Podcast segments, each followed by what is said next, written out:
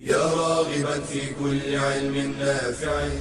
ينمو العلم ويتقدم بتقنياته ومجالاته ومعه نطور أدواتنا في تقديم العلم الشرعي. أكاديمية زاد. زاد أكاديمية ينبوعها. صاف صاف ليروي غلة الظمآن. هذه عقيدتنا الصحيحة فطرة تنفي الشكوك بواضح البرهان. بشرى لنا زاد أكاديمية للعلم كالأزهار في البستان. السلام عليكم ورحمة الله وبركاته. الحمد لله والصلاة والسلام على رسول الله وعلى آله وصحبه ومن اهتدى بهداه. ما بعد فأكرر الترحيب بالإخوة والأخوات المشاهدين والمشاهدات في أكاديمية زاد العلمية. سائل المولى عز وجل أن يرزقنا جميعا العلم النافع والعمل الصالح والتوفيق لما يحبه ربنا ويرضاه. وكما أسلفنا في الإشارة إلى محتوى هذا المستوى من الدورة الثانية من المستوى الثالث من العقيدة هذا المستوى يتعلق كما قلنا بالحديث عن بقية أركان الإيمان الستة لأن المستوى الثاني كان متعلقا بالحديث عن الركن الأول وما يتعلق به من مسائل مسائل التوحيد وما يتعلق بها. وهنا نستكمل الحديث عن بقية أركان الإيمان الستة ومن الواضح البين أن أول هذه الأركان هو الإيمان بالملائكة الإيمان بالملائكة. ومعلوم أنه في كل يعني مادة علمية وفن من الفنون فإنه يبدأ عادة بالتعريف بذلك المصطلح وبذلك الإطلاق وبتلك الحقيقة حتى تكون الأمور ظاهرة في الحديث فيما بعدها من تفصيلات. المعنى اللغوي للملائكة الملائكة في اللغة هذا اللفظ له مأخذان. طبعا هو الملائكة هو جمع ملك والكلام في اشتقاقه فلها مأخذان. المأخذ الأول من الألوكة وهي الرسالة والمأخذ الثاني من الملك وهو الأخذ بشدة وقوة. وكلاهما له تعلق بالمعنى الاصطلاحي للملائكة. أما بالنسبة للمأخذ الأول وهو الألوكة وهي الرسالة فهذه قيل إن أصلها من ملأك ملأك فحذفت الهمزة آه، لكثرة الاستعمال فقيل ملك ملأك فصار ملك. وقيل القول الثاني أن أصلها مألك بتقديم الهمز ملأك ومألك. وأيضا حذفت أيضا فقيل ملك. هذا المعنى اللغوي لاصطلاح الملك وجمعه كما قلنا ملائكة. أما بالنسبة للشرع ومعناه الشرعي ومعناه الاصطلاحي فمعلوم أن الملائكة خلق من خلق الله عز وجل. خلقهم الله سبحانه وتعالى من نور مربوبون مسخرون عباد مكرمون لا يعصون الله ما أمرهم ويفعلون ما يؤمرون جاءت أوصافهم في كتاب الله عز وجل في العديد من الآيات قد نعرج على شيء منها في حديثنا التالي. ومن حيث المعنى الاصطلاحي واستعمال أهل الاصطلاح للملائكة يقولون في تعريف الملائكة بأنهم أجسام نورانية وهذا إشارة إلى أصل خلقتهم لأنهم خلقوا من نور. أجسام نورانية أعطيت قدرة على التشكل والظهور بأشكال مختلفة بإذن الله عز وجل. هؤلاء هم الملائكة وهذا هو تعريف الملائكة في المعنى اللغوي والمعنى الاصطلاحي. الذي يهمنا هو الحديث عن أهمية الإيمان بالملائكة. لا شك أن الإيمان بالملائكة هو من الغيب الذي امتدح الله سبحانه وتعالى به المتقين حينما قال الله عز وجل هدى للمتقين الذين يؤمنون بالغيب.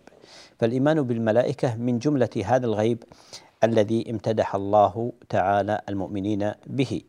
والإيمان بهم بالملائكة هو أصل من أصول الاعتقاد وركن أساس من أركان الإيمان لا يتم الإيمان إلا به.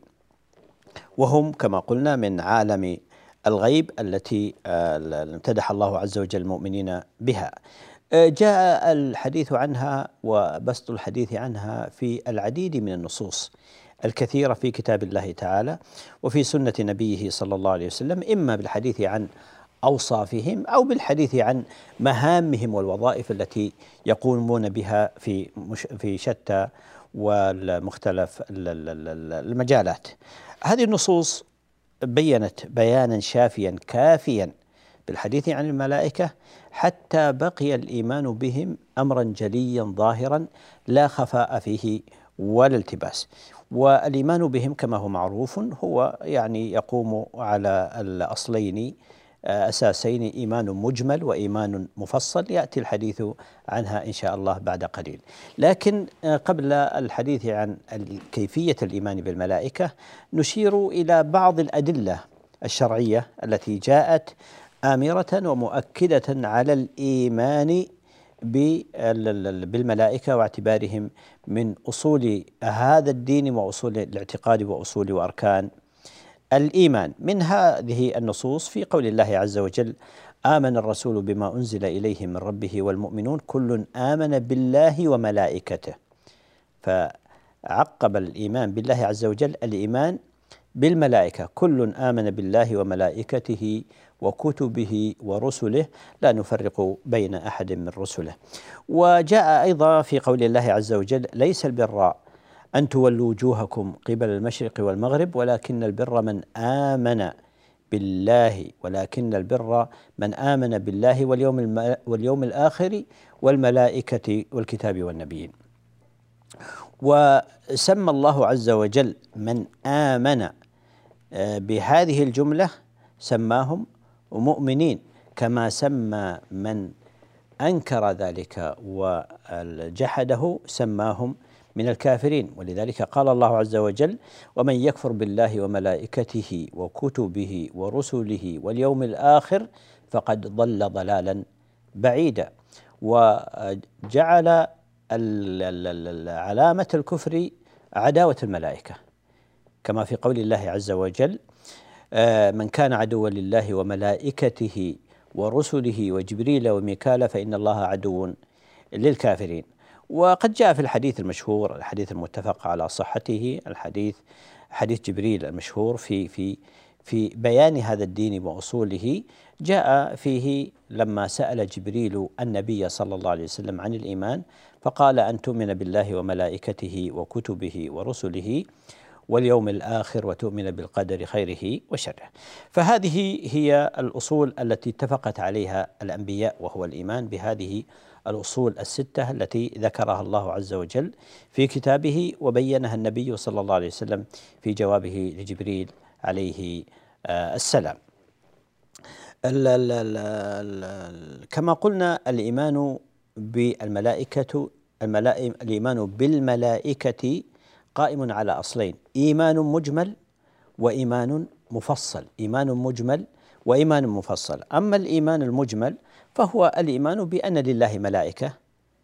نؤمن بما ذكر الله سبحانه وتعالى عنهم من أسماء بعضهم في كتاب الله عز وجل ومن أوصاف ووظائف بينها الله عز وجل في كتابه العزيز. وأما الإيمان المفصل فهو في تفصيل ما ذكره الله سبحانه وتعالى لنا من هذه الأمور الأعمال والصفات وأصل الخلقة والمهام التي يقومون بها وأسماء الذين سماهم الله سبحانه وتعالى في كتابه.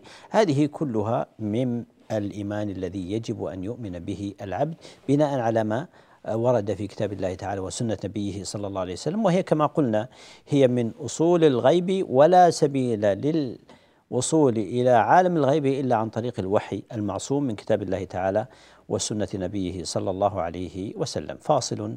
ثم نعود لاستكمال الحديث. إلى أن نلتقي. أستودعكم الله. والسلام عليكم ورحمة الله وبركاته.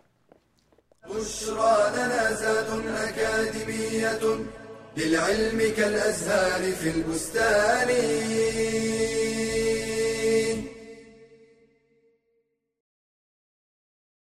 هل كرم المرأة أحد مثل ما كرمها الإسلام؟ فالنساء شقائق الرجال وإنما خصت المرأة ببعض الأحكام كإعفائها من الجمع والجماعات مراعاة لأنوثتها لا تحقيرا لها. فللمرأة حقها في التعليم وقد خصص النبي صلى الله عليه وسلم درسا لتعليم النساء. ولا يمنعها الحياء من طلب العلم. قالت عائشة رضي الله عنها نعم النساء نساء الأنصار. لم يكن يمنعهن الحياء أن يتفقهن في الدين. والتعليم حق للمرأة على أبيها وزوجها. عن علي بن أبي طالب في قوله تعالى يا أيها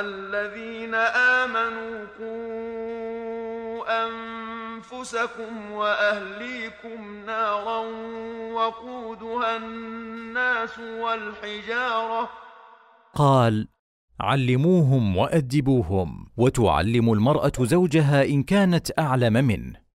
قال النبي صلى الله عليه وسلم لأبي رافع حين علمته زوجته بعض الأحكام يا أبا رافع إنها لم تأمرك إلا بخير.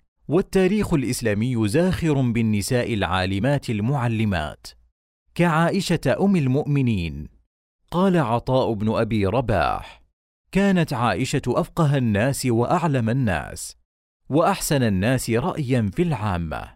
ومنهن عمرة بنت عبد الرحمن الأنصارية وحفصة بنت سيرين البصرية وفاطمة بنت عباس البغدادية. فتعلمي واعملي وأبشري. قال تعالى ومن يعمل من الصالحات من ذكر أو انثى وهو مؤمن فاولئك يدخلون الجنه ولا يظلمون نقيرا بشرى لنا زاد أكاديمية للعلم كالأزهار في البستان. السلام عليكم ورحمة الله وبركاته. أجدد الترحيب بالجميع. تكلمنا فيما تقدم عن أهمية الإيمان بالملائكة وحديثنا التالي هو عن ماذا يتضمن الإيمان بالملائكة؟ ما الذي يترتب على الإيمان بالملائكة وماذا يتضمن؟ يتضمنه الإيمان بالملائكة. الإيمان بالملائكة يتضمن عدة أمور. أولها الإيمان بوجودهم. الإيمان بوجودهم حقيقة. وهذا بناء على النصوص الكثيرة التي جاءت في الكتاب والسنة الدالة على وجودهم وعلى وظائفهم وعلى صفاتهم وعلى ما سبق أن أشرنا إليه في هذا آه، الجانب. والمخالفون لهذا الأصل وهو الإيمان بوجودهم في شأن الملائكة المخالفون طائفتان. الطائفة الأولى منهم من أنكر وجودهم وجعلهم من جعل وجودهم إنما هو وجودا ذهنيا فقط لا حقيقة له في الواقع ويعتبرون الملائكة هي قوى النفس القوى والعناصر الخيرية في النفس الإنسانية. وهؤلاء هم الماديون قديما وحديثا. قال بذلك الفلاسفة المتقدمون وفسروا الملائكة بأنها القوى قوى الخير النفسية الموجودة في نفس الإنسان والقوى الشريرة وقوى الشر هي الشياطين. ومعنى ذلك نفي أن يكون ثمة وجود حقيقي للملائكة أو للشياطين. هذا هو قول الماديين قديما وحديثا وللأسف إنه يعني سار في ركبهم بعض العقلانيين العصرانيين. فاولوا الملائكة بمثل هذه الأمور وبما يؤدي إلى إنكار وجودهم الفعلي والحقيقي. وهناك الجانب الآخر وهم من؟ الطائفة الثانية وهم الذين المشركون الذين آه، عبدوا الملائكة من دون الله عز وجل واعتبروهم من الإناث وجعلوا الملائكة الذين هم عباد الرحمن إناثا أشاهدوا خلقهم ستكتب شهادتهم ويسألون. ويقول الله عز وجل ويوم يحشرهم جميعا ثم يقول للملائكة أهؤلاء إياكم كانوا يعبدون؟ قالوا سبحانك. أنت ولينا من دونهم بل كانوا يعبدون الجن أكثرهم بهم مؤمنون. فالجن تتشكل لعابديها بأنهم ويزعمون ويدعون أنهم الملائكة فيعبدونهم من دون الله سبحانه وتعالى. هذه هؤلاء يعني من خالف في إثبات وجودهم. وجود الملائكة الأمر الآخر مما يتضمنه الإيمان بالملائكة هو الإيمان بمن علمنا الله سبحانه وتعالى وسماه لنا في كتابه العزيز كجبريل وميكائيل وإسرافيل هؤلاء الذين سماهم الله عز وجل في كتابه وكذلك سمى الله عز وجل خازن النار وهو المالك وأيضا جاء في حديث البراء بن عازب بإسناد حسن بتسمية منكر ونكير لفتاني القبر اللذان اللذين يسألان المدفون والميت عن الأسئلة في المعروفة في القبر. جاء تسميتهم في بعض الروايات عند الترمذي وغيره أنهم منكر ونكير وكذلك من من سمي من الملائكة هاروت وماروت كما هو معروف في القصة المعروفة. هؤلاء الذين وردت اسماءهم بنصوص آه، يعني يحتج بها. آه، أما ما عداهم فاستأثر الله سبحانه وتعالى ولم يبين لنا أسماءهم. كون الناس والعامة يسمون ملك الموت بعزرائيل هذه مما أخذ من الإسرائيليات ولم يرد من طريق صحيح يعتمد عليه وإنما جاء تسميته أو جاء إطلاق وصفه. قل يتوفاكم ملك الموت الذي وكل بكم ولم يبين لنا الله عز وجل ما اسم هذا الملك. الأمر الثالث من الأمور المتعلقة بالإيمان أو المت... التي يتضمنها الإيمان بالملائكة هو الإيمان بما علمنا الله سبحانه وتعالى من أصل خلقتهم ومن صفاتهم. فأصل خلقتهم من نور. كما قال النبي صلى الله عليه وسلم خلقت الملائكة من نور وخلقت الشياطين من نار وخلق آه، آدم وبنو آدم مما وصف لكم أو كما قال صلى الله عليه وسلم.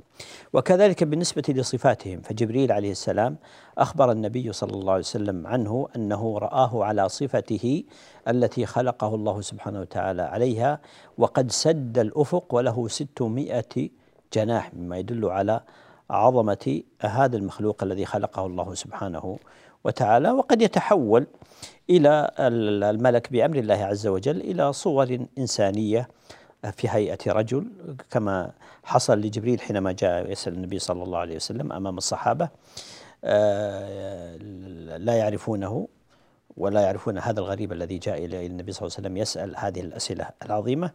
وكذلك بالنسبة لما جاء جبريل أيضا آه، أرسله الله عز وجل إلى مريم فتمثل لها بشرا سويا في صورة آه، بشر.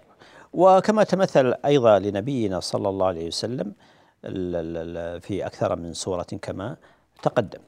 آه، كذلك من الأمور التي يتضمنها الإيمان بالملائكة هو الإيمان بما علمنا من أعمالهم ووظائفهم التي يقومون بها بأمر الله سبحانه وتعالى وهي أمور كثيرة جدا. بل إن الله سبحانه وتعالى قد أقسم عز وجل في في في العديد من آه، السور بأعمال الملائكة وسمى تلك السور بتلك الأعمال صدر بها الكلام عن صفاتهم وأعمالهم وسمى تلك السور بتلك الأعمال كسورة الصافات والمرسلات و النازعات آه، وغيرها. جاءت أيضا واستفاضت النصوص الشرعية في بيان الوظائف التي يقوم بها هؤلاء الملائكة هؤلاء الخلق العجيب المسخرة لتدبير لتنفيذ أمر الله عز وجل وتدبيره في العالم كله في عالم الأرواح وفي عالم المادة والكون وفي عالم الإنسان. حتى لا يمكن القول بأن كما يقول ابن القيم رحمه الله تعالى بأن ما يشاهد من تدبير العالم العلوي والسفلي وما لا يشاهد إنما هو على أيدي الملائكة. فالرب سبحانه وتعالى يدبر بهم العالم وقد وكل بكل عمل من الأعمال طائفة من هؤلاء الملائكة فمنهم من وكل بالشمس والقمر والنجوم والأفلاك ووكل الله عز وجل بالقطر والسحاب طائفة. ووكل سبحانه وتعالى بالنبات طائفة وبالأجنة طائفة وبالموت طائفة وبحفظ بني آدم طائفة وإلى غير ذلك من الأعمال الكثيرة التي كلفهم الله سبحانه وتعالى بها وهم يقومون بها على أمر الله عز وجل وتدبيره. آه لكن من هذه الوظائف على سبيل التمثيل للحصر اولا جبريل عليه السلام وهو الأمين على وحي الله عز وجل إلى رسله وإلى الأنبياء. وكذلك ميكائيل وهو الذي الموكل بالقطر وهو الغيث والمطر والنبات. ومنهم إسرافيل الموكل بالنفخ في الصور عند قيام الساعة وللبعث والنشور حيث قال النبي صلى الله عليه وسلم عنه قال إن إسرافيل قد التقم البوق وحنى جبهته ينتظر الأمر بالنفخ من الله عز وجل. فجبريل وميكائيل وإسرافيل هؤلاء ثلاثتهم موكلون بالحياة. جبريل عليه السلام بحياة القلوب وهو الوحي لأن مادة حياة القلوب هو الوحي. وإسراء ميكائيل بالقطر وهو حياة الأرض والإنبات. وإسرافيل بإعادة الحياة مرة أخرى بعد الموت. هناك ملك الموت الذي وكل بقبض الأرواح كما هو معروف وذكره الله عز وجل في كتابه العزيز. هناك مالك خازن النار. هناك الملائكة الموكلون بالأجنة والملائكة الموكلون بحفظ الأعمال والموكلون بسؤال الميت وغيرها. فاصل ثم نعود لاستكمال الحديث في بيان ثمرات الإيمان بالملائكة. بشرى لنا زاد أكاديمية للعلم كالأزهار في البستان.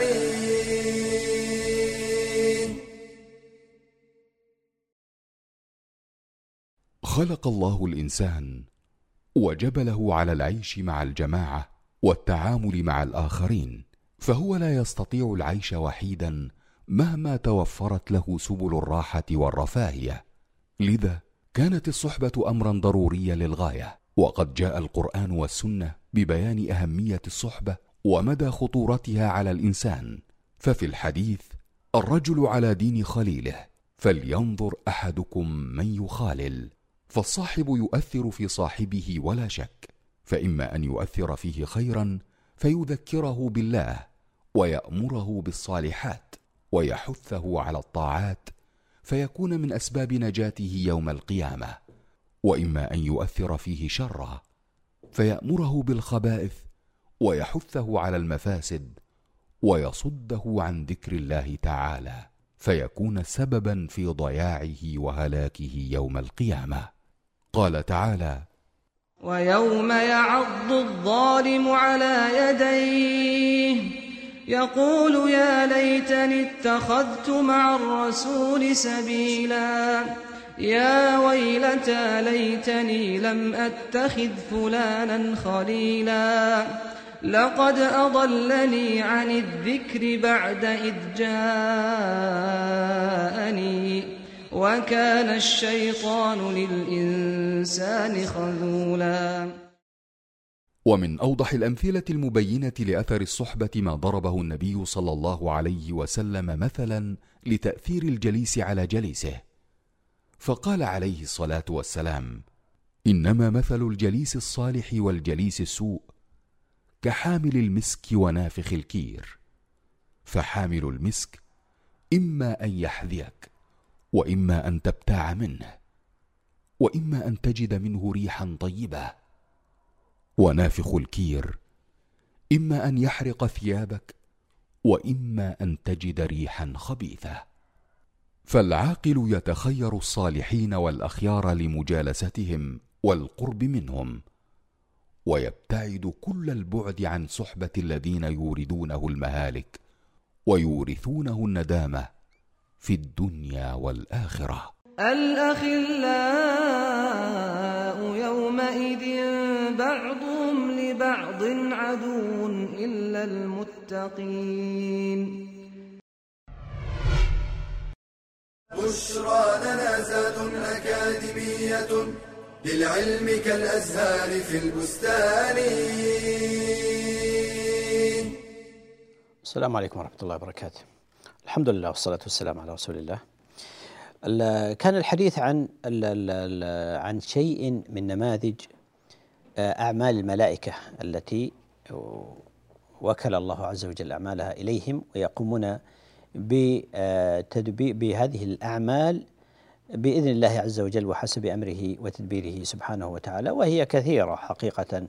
الكلام في العديد عن ال ال ال ال هذه الوظائف وهذه الأعمال التي تقوم بها الملائكة فهو كما قلنا وكما أسلفنا أن ما يشاهد من تدبير العالم العلوي والسفلي وما لا يشاهد فكله إنما هو على أيدي الملائكة ذكرنا نماذج في من هذا.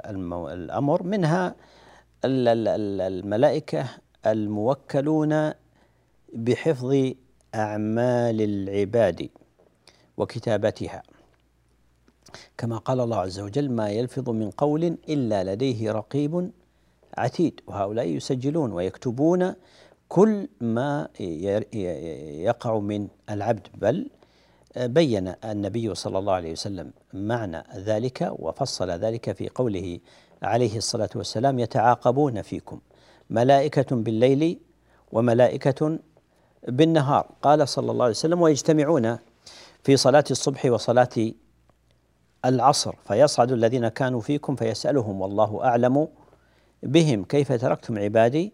فقالوا أتيناهم وهم يصلون وفارقناهم وهم يصلون. فهذه صورة من صور الأعمال التي يقوم بها الملائكة التي تتعلق ببني آدم وحفظ أعمالهم وتسجيلها. آه كذلك الم- الم- الموكلون بسؤال الميت في قبره وجاء الحديث عنهم في أحاديث كثيرة ومنها من أشملها وأطولها حديث البراء بن عازب المشهور في هذا الأمر وفيه تسمية الملكين بمنكر ونكير. أما بقية الأحاديث التي جاءت في الصحيحين فلم تسمي الملائكة السؤال والفتنة في القبر. آه، إلى غير ذلك من الأعمال الكثيرة التي يصعب استقصاؤها وحصرها. آه، نختم بالحديث عن شيء من ثمرات الإيمان بالملائكة حينما أوجب الله عز وجل علينا الإيمان بالملائكة فلا بد أن ذلك له الأثر الإيجابي في حياة المسلم واستقامته في هذه الحياة. أولها العلم بتكريم الله عز وجل لبني آدم ولقد كرمنا بني آدم. فالله عز وجل خلق هؤلاء الخلق تسخيرا منه سبحانه وتعالى لهذا المخلوق الآدمي. بل إن الله عز وجل أمر الملائكة الذين هم عباد مكرمون لا يعصون الله ما أمرهم ويفعلون ما يؤمرون أمرهم الله عز وجل بالسجود لآدم لتكريم هذا المخلوق. وسخر هؤلاء ال- ال- ال- الخلق لخدمة بني آدم لحفظهم لتسديدهم لكتابة ما يقومون به وأيضا لعقوبة من حاد منهم عن صراط الله آه، المستقيم. فالشاهد أن أن أن في من آثار الإيمان آه، ومن ثمرات الإيمان بالملائكة هو العلم بتكريم الله سبحانه وتعالى آه، لبني آدم وشكر الله سبحانه وتعالى على عنايته بهم وحيث وكل من هؤلاء الملائكة من يقوم بحفظهم وكتابة أعمالهم بل والدعاء لهم والاستغفار للمؤمنين منهم من صالحيهم. فيه أيضا معنى اطمئنان المؤمن حينما يشعر بأن لله من الملائكة بهذه القوة والعظمة والقدرة من هو محيط بالمؤمن وحارس للمؤمن ومعين للمؤمن ومسدد له لا شك أن هذه من الأمور التي تبعث الطمأنينة في قلب المؤمن ويشعر بأن الله سبحانه وتعالى قد تولاه بعنايته بتسخير هؤلاء الخلق لحفظه وعنايته. ولا شك أن هذا الأمر مما يستوجب على العبد أن يشكر الله عز وجل. يشكر العبد الله عز وجل على هذا هذه العناية وهذا التفضل من الله عز وجل بتسخير هؤلاء الخلق لخدمته. كذلك فيه أيضا العلم بعظمة الله عز وجل. فإذا كانت الملائكة كما وصف الله عز وجل لنا من هذه القوة والعظمة والقدرة وهم خلق من خلق الله عز وجل فكيف بالخالق سبحانه وتعالى؟ لا شك أن هذه من الأمور التي تبعث التعظيم لله سبحانه وتعالى في خلقه وسلطانه وقهره سبحانه وتعالى فهو مدبر الكون العظيم. هذه المخلوقات العظيمة هي من جنود الله سبحانه وتعالى تسير بأمره ولا تخالف أمره وتنفذ أقدار الله سبحانه وتعالى في خلقه. ولا شك أن هذا من ما يعطي بيان عظمه الله سبحانه وتعالى وقوه سلطانه وتدبيره سبحانه وتعالى كما ان من هذه الأمور والاعمال والثمار والاثار التي تترتب على الايمان بالملائكه هو الصبر على اقدار الله عز وجل والثبات على أمر الله سبحانه وتعالى والاطمئنان لحفظ الله عز وجل لأن الإنسان قد يمر عليه بعض المصائب وبعض المحن وبعض الفتن.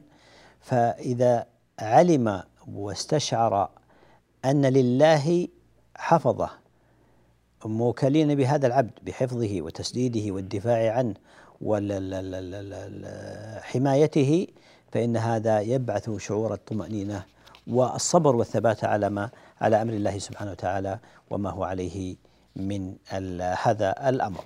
كذلك فيه الاستئناس والاستقامة على أمر الله سبحانه وتعالى. إذا كان هذا الكون هؤلاء الملائكة الذين خلقهم الله عز وجل وآتاهم من هذه القوة والعظمة كلهم يقومون بعبادة الله عز وجل. لا يعصون الله ما أمرهم ويفعلون ما يؤمرون.